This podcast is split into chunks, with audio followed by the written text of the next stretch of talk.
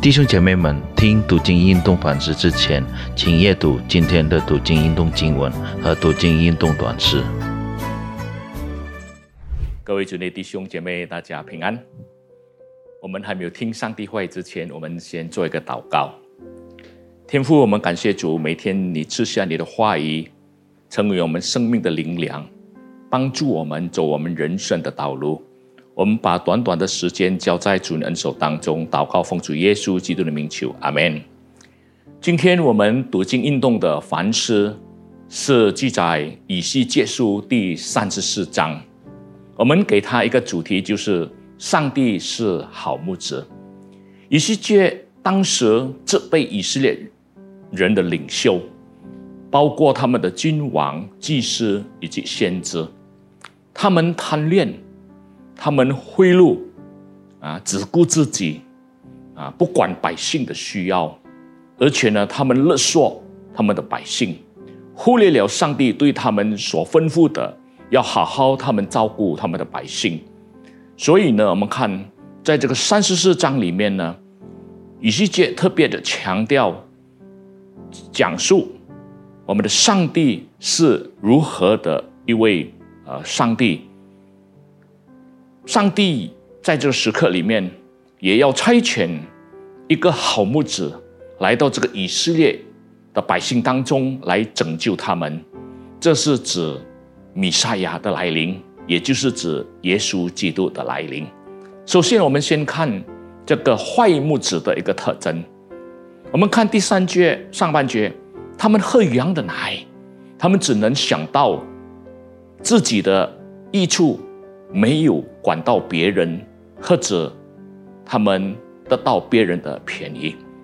第三节的这个下半节，他们用羊毛来做那个衣服，这也是他们想得到一个的好的益处，不管羊的这个贡献。然后第三节的下半节也告诉我们，他们宰杀肥的羊，吃羊的肉，享受。人生的喜乐，然后进到第四节那边的告诉我们，他们不使那个软弱的刚强起来，不医治那些生病的、受伤的，也不被看顾或者被保护，迷失的他们也不被寻回。所以，我们看到这是当时以色列人领袖的特征，没有好好照顾这个。上帝的羊群，然后呢，我们看耶稣基督是一位好牧者，或者是上帝是好牧者。那么好牧者有什么榜样呢？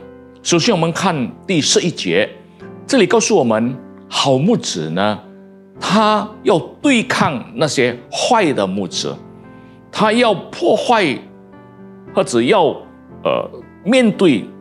这个坏牧者攻击他们上帝的话告诉我们，他们这些坏的领袖呢，呀，只单单能够只顾自己，只单单喝羊的奶，不照顾羊群。所以呢，上帝本身呢，要借助耶稣基督成为他们个人的领袖。上帝要刑罚他们。这里是告诉我们，若是我们没有好好的成为一个好牧者。上帝会刑罚我们，我们会面对上帝所面对的一些的灾难。我们虽然不是教会的领袖，但是我们也能够好好的照顾别人。当我们看到别人的软弱的时候，需要的时候，我们需要帮助他们，我们需要关怀他们。第二方面呢，从二十五节告诉我们。好牧子呢，是来呢，要保护我们这些的羊群。好牧子知道羊群的需要，他医治那些受伤的，他安慰那些在患难当中的，他喂饱那些缺乏的这个羊。所以今天呢，上帝是我们的好牧子，他要帮助我们每一位在困难当中的人、缺乏的人、生病的人。所以我们看好牧子的特征是什么呢？他寻回迷失的羊，他医治那些受伤的羊，他喂饱那些需要的羊，他保护那些软弱的羊。我们感谢上帝的大爱，因为他是我们的好牧者，我们要依靠他，我们要把我们的整个生命都完全的仰望他，让他来保护我们。愿上帝的话语造就我们，安慰我们。上帝祝福你们。我们在这里低头祷告，感谢主，你是我们的好牧者，我们是你的羊。我们知道你每天都看顾照顾我们。